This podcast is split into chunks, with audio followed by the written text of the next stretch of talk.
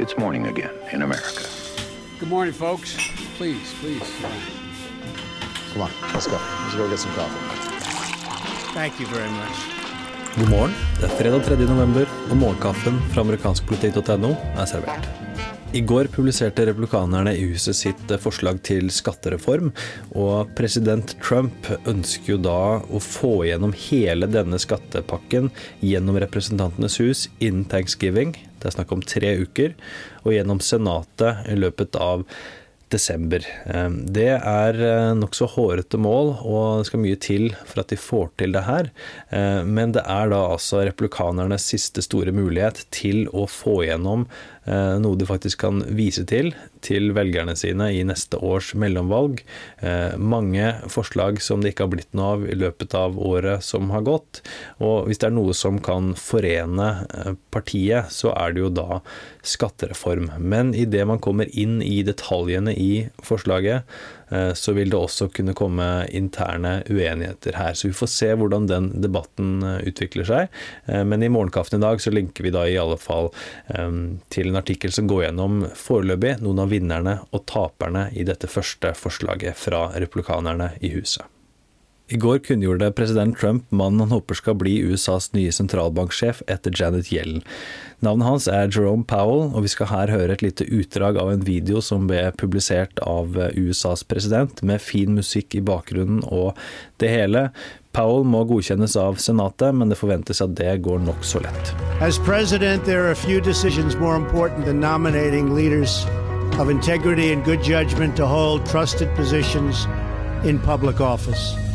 And few of those trusted positions are more important than the chairman of the Federal Reserve. Accordingly, it is my pleasure and my honor to announce my nomination of Jerome Powell to be the next chairman of the Federal Reserve. I går publiserte Donna Brazil utdrag fra sin nye bok om fjorårets valgkamp. Hun ledet da midlertidig Democratic National Committee, DNC, etter at Debbie Wasserman Schultz ble kastet etter intern uro.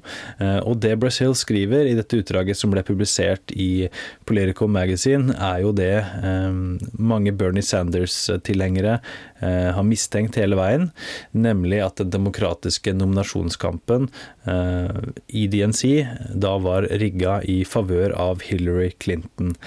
Og Brazil går da gjennom konkrete eksempler på hvordan Hillary Clinton og hennes kampanje nærmest hadde tatt over styringen av DNC allerede sommeren 2015, noe som tradisjonelt da ikke skal skje før en kandidat faktisk har sikret seg nominasjonen.